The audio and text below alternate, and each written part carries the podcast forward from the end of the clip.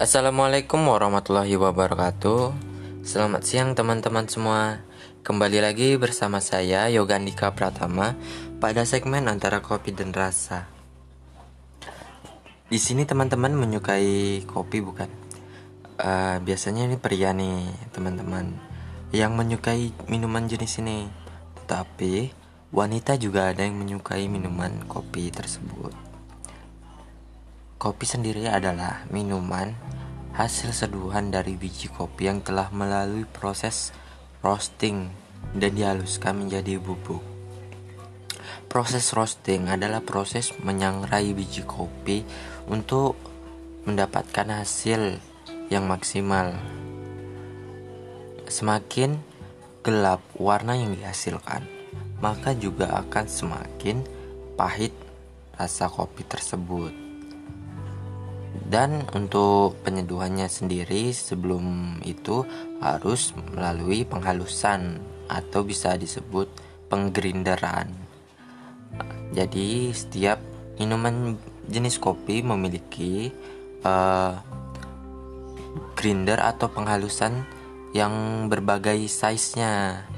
Jadi kalau misalnya untuk minuman espresso itu grinder size uh, biasanya lebih ke arah fine atau lebih halus daripada uh, kopi yang lain. Di dunia sendiri terdapat banyak jenis kopi, tetapi yang lebih dikenal itu robusta dan arabica. Kopi jenis robusta lebih cenderung memiliki rasa yang pahit dengan aroma tanah dan kayu.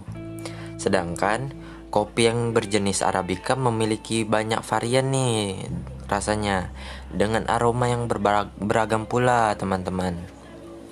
Untuk kadar kafeinnya sendiri sih uh, robusta cenderung lebih tinggi ya teman-teman. Jadi untuk uh, begadang nih cocok kali untuk membuat melek mata ini.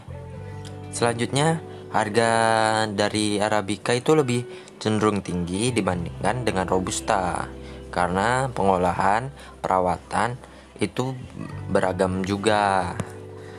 E, semakin bagus kopi tersebut maka semakin mahal. E, harga yang dipatok dari misalnya per 100 gram per 1 kilo maupun e, ukuran e, berat yang lainnya.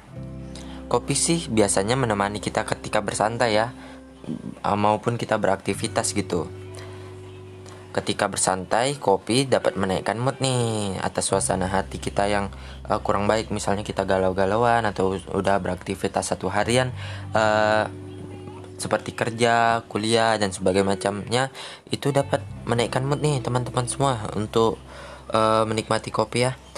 Terlebih lagi ketika kita menikmati kopi uh, dengan alunan musik nih biasanya kan uh, ditemani musik kan biar nggak suntuk kita minum-minum gitu aja.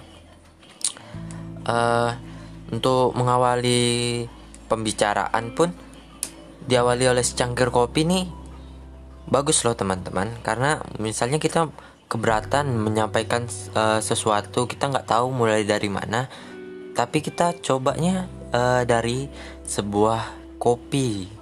Bagaimana rasa kopi itu membuka sebuah uh, topik pembicaraan. Nih kayak saya nih yang sering uh, menyicipi kopi ditemani oleh teman dan membuka obrolan yang tadinya diam-diam aja gitu ya kan. Uh, di dalam filosofi kopi sendiri sih terkandung banyak filosofi ya teman-teman. Uh, kalau teman-teman semua sudah melihat film filosofi kopi Mungkin tahu nih kata-kata ini. Cappuccino itu kopi yang genit. Ketebalan dan tekstur foamnya harus presisi. Butuh standar penampilan yang tinggi karena cappuccino cocok untuk orang yang suka keindahan sekaligus kelembutan.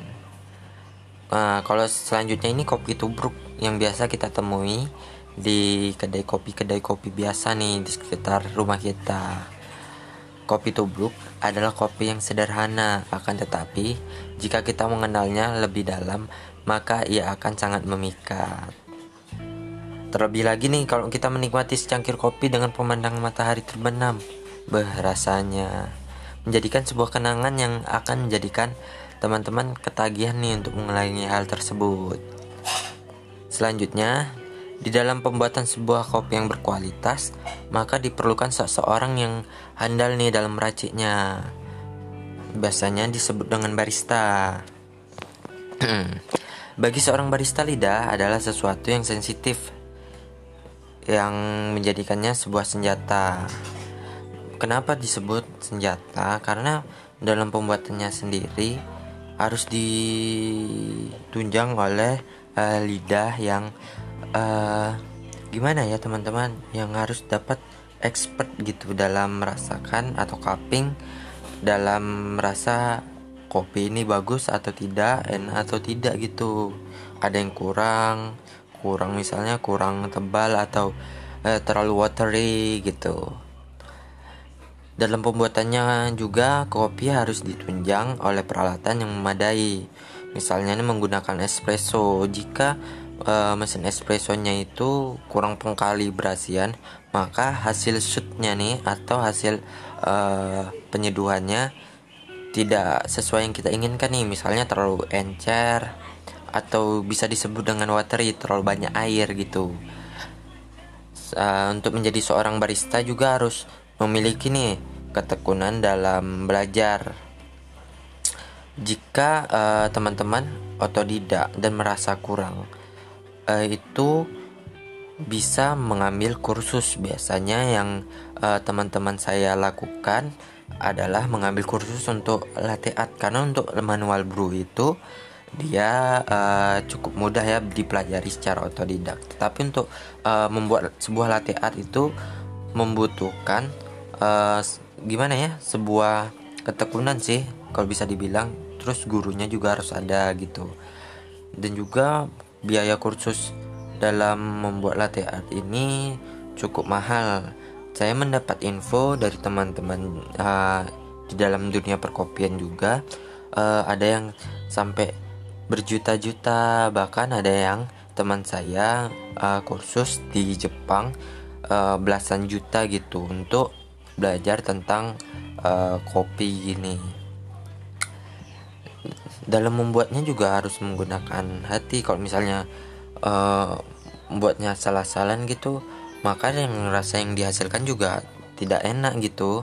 Uh, lebih ke arah misalnya watery watery dalam artian lebih banyak air atau encer gitu. Banyak sih yang telah dilewati dalam menciptakan sebuah minuman kopi. Tapi menurut saya kesenangan kesenangan terhadap membuat kopi adalah hal yang tersendiri teman-teman. Dari sini uh, saya juga banyak mengenal orang karena memiliki hobi yang sama terhadap kopi.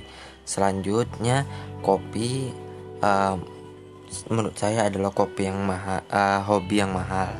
Karena kalau kita kursus untuk membuat sebuah kopi itu juga uh, mengeluarkan uang dari kopi, susu hingga alat yang digunakan mungkin uh, pada segmen kali ini cukup sekian saja ya teman-teman.